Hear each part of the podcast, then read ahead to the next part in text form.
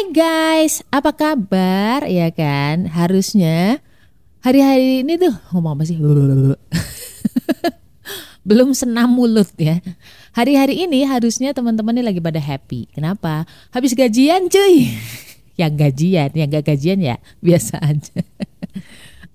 Jujur li uh, karena kesibukan kadang-kadang tuh inspirasi jadi susah datang. Betul? Betul.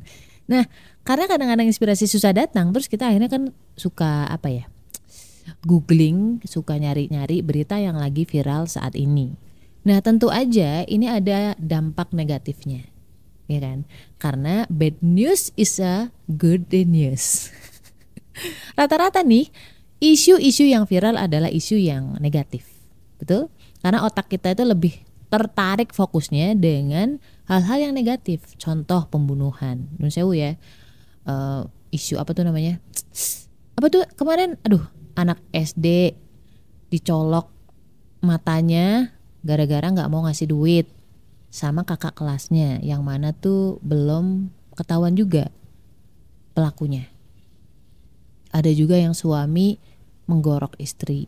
Ada yang murid menggorok gurunya. Itu tuh secara otomatis automatically itu algoritma akan nge-up nge-up isu-isu atau berita-berita atau konten-konten yang engagementnya tuh tinggi. Engagement tuh kayak interaksinya. Contoh ketika kita tertarik nih terus ngebaca ya kan? Watching atau retention eh ngomong apa sih mbak? Mbak. Ya intinya ketika lu ngebaca lu stay di situ lu konsumsi itu itu kan ada hitungan waktunya tuh. Nah semakin lama lu uh, mengonsumsi atau membaca konten itu itu berarti poinnya tambah gede nih. Oh tentang ini, keywordnya apa nih? Nah itu nanti akan naik tuh. Semua keyword-keyword tentang itu, semua konten-konten tentang itu akan naik. Saling berebut satu dan lain agar menjadi trending topik. Efeknya adalah ketika lo terlalu lama mengonsumsi berita-berita negatif kayak gitu, itu bisa sampai ke jiwa kamu. Apalagi lo ngonsumsinya itu sebelum tidur. Dan ini senada dengan pertanyaan dari teman gue, teman gue, teman kita, ya kan? Assalamualaikum Kak Ria. Kak ngerasa nggak sih akhir-akhir ini banyak info yang negatif? Sampai aku pribadi ngerasa apa aku harus minta maaf ke semua orang yang aku kenal. Biar aku nggak dijahatin atau digimana-gimanain. Soalnya lihat keadaan sekarang orang pada nekat anak SMP sampai berani gorok gurunya. Sebentar, bentar, nadanya nggak kayak gitu. Soalnya lihat keadaan sekarang orang pada nekat kak, nah gitu ya. Anak SMP sampai berani gorok gurunya. Dan masih banyak dari seminggu ini beritanya kejadian di luar Nurul. Kalau Kak Ria ngelola berita negatif gitu gimana Kak? Soalnya aku suka parno. eh, nggak cuman elu, semua orang nggak begitu. Karena ini nanti akhirnya akan masuk ke alam bawah sadar. So kita akan bahas ya bagaimana cara kita agar bisa sedikit memfilter atau sedikit mengurangi gue nggak bisa bilang bahwa ngurangin dampak negatif 100% gak akan pernah bisa karena apa? Karena kita tinggal di dalamnya. Assalamualaikum. Gimana kabar lo? Alhamdulillah. Apakah lo lagi ngerasa kesepian atau sendirian? Kenalin gue Ria Marliana, teman healing lo di podcast Self Healing. Di sini kita bakal ngobrol bagaimana sih belajar berdamai dengan luka, tentu aja atas izin Allah Subhanahu wa taala. Semoga Allah sembuhkan lukamu, ringankan bebanmu dan kuatkan hatimu. Jujur nih, mungkin dua minggu yang lalu gue mikir hal yang sama karena gue buka laptop tuh ya kan? Buka laptop ada Microsoft Edge. Ya buat teman-teman nih yang kerja dengan Microsoft Edge dia biasanya ngasih uh, apa ya some highlight news gitu kan. Dan itu tuh rata-rata aduh itu berita kriminal semua. Gue dulu seneng dengan berita-berita kayak gitu. Karena apa? Karena gue akan menganalisis nih pelakunya siapa gitu kan modus atau motifnya apa kayak gitu-gitu dulu ya dulu. Tapi nyebelinya adalah terus semua berita tentang yang yang berita kriminal tadi itu terus muncul tuh di di beranda halaman Microsoft Edge gitu. Setiap kali gua ngebuka kesel nggak? Bete jadinya. Jadi akhirnya apa? Yang awalnya mau kerja akhirnya gua nggak kerja. Terdistraksi ke membaca berita yang itu. Contoh aja lah yang kemarin si Nando ya. Nando yang membunuh istrinya. Terus sampai gua tahu tuh kayak darahnya di apa namanya dibuat mainan sama anak-anaknya terus motifnya apa sampai ke keuangan mereka berdua itu kan sudah terlalu over ya. Ya kan? Yang perlu kita tahu kan sebenarnya cukup satu bahwa Nando membunuh istrinya dengan cara uh, menggorok gere eh, gerenya lagi menggorok lehernya. Udah sederhana itu fakta. Tapi kan karena kita digiring dengan banyaknya pemberitaan-pemberitaan dengan uh, diksi-diksi yang menggugah uh, limbik ya menggugah limbik tuh kayak contohnya awas hati-hati tidak tahu diri gitu kan. Ada kata-kata itu jadi ada kata-kata opini yang membuat kita kayak ah iya masa sih? Nah itu otomatis kita pasti akan terdistraksi dan mencari tahu kenapa sih sampai ngebunuh? Gitu kan. Kenapa ya? Ada apa sih mereka berdua? Bagaimana sih kehidupan mereka? Akhirnya terus diterus-terusin sampai gua nyari sampai ngetik di Google sampai ngetik di TikTok itu berarti udah nggak sehat kalau udah kayak gitu karena apa karena seharusnya konsumsi kita itu secukupnya, sama seperti makanan, ya kan? Kita mengonsumsi makanan itu kalau berlebihan itu bisa jadi obes. Sama juga dengan jiwa, men. Jiwa itu juga terbentuk dari apa yang kita konsumsi. Dari mana? Makanan jiwa itu dari mana? Dari apa yang kita lihat, apa yang kita dengar, Apalagi kalau intens konsumsinya. Secara terus-menerus. Pernah ada aku lupa deh, orang barat gitulah ngomong kebohongan yang ditiupkan secara terus-menerus dalam jangka waktu yang lama itu bisa menjadi fakta. Nah, tuh. Itu even kebohongan loh. Bahkan sebuah kebohongan aja bisa jadi fakta ketika diucapkan atau diungkapkan terus-menerus ke kita. Itu alam jiwa ya cuy. Itu alam bawah sadar. Jadi itu alam di luar kehendak akal logika lo.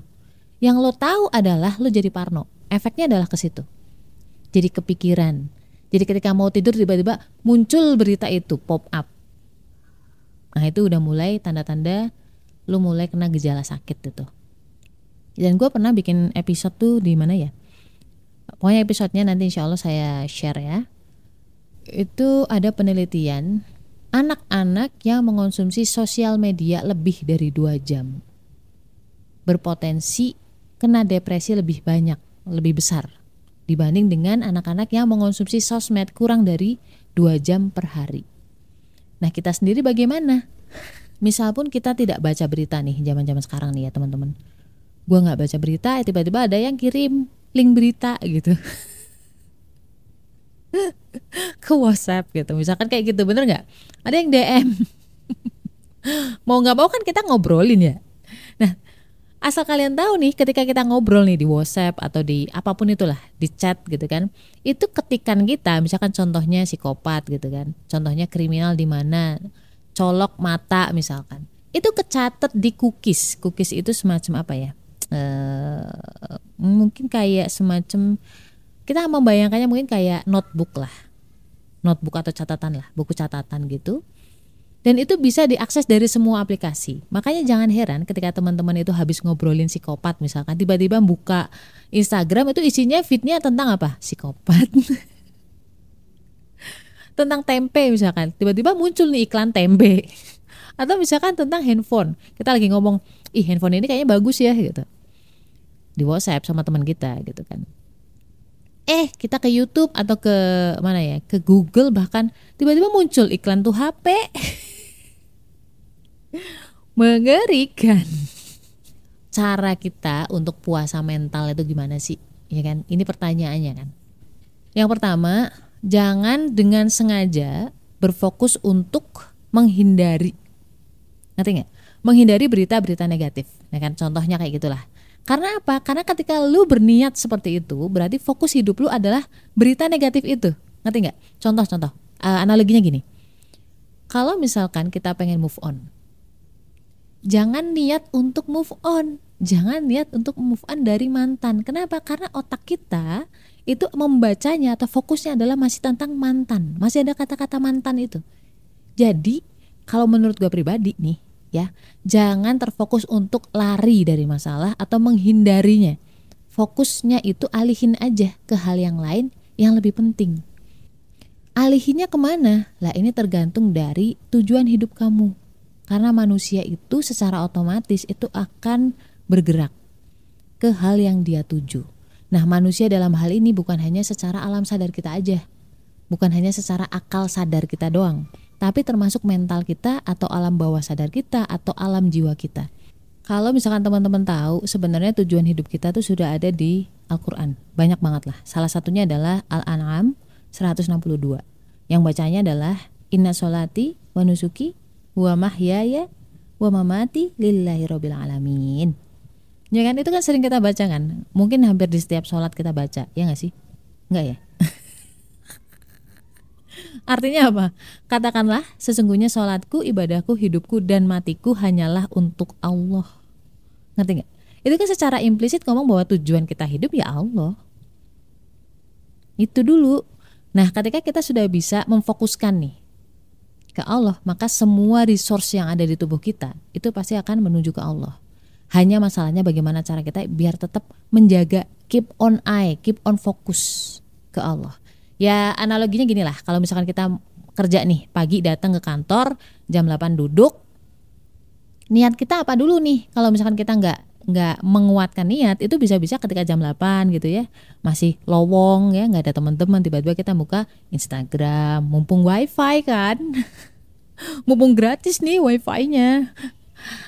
Kita buka YouTube kita buka berita kita buka Twitter itu kan yang kita lakukan selama ini gitu karena apa karena kita kurang meniatkan apa sih kurang menguatkan niat kita ketika bekerja beda dengan orang yang memang Datang niatnya adalah untuk bekerja. Fokus dulu tasnya apa dulu nih, to do listnya apa hari ini.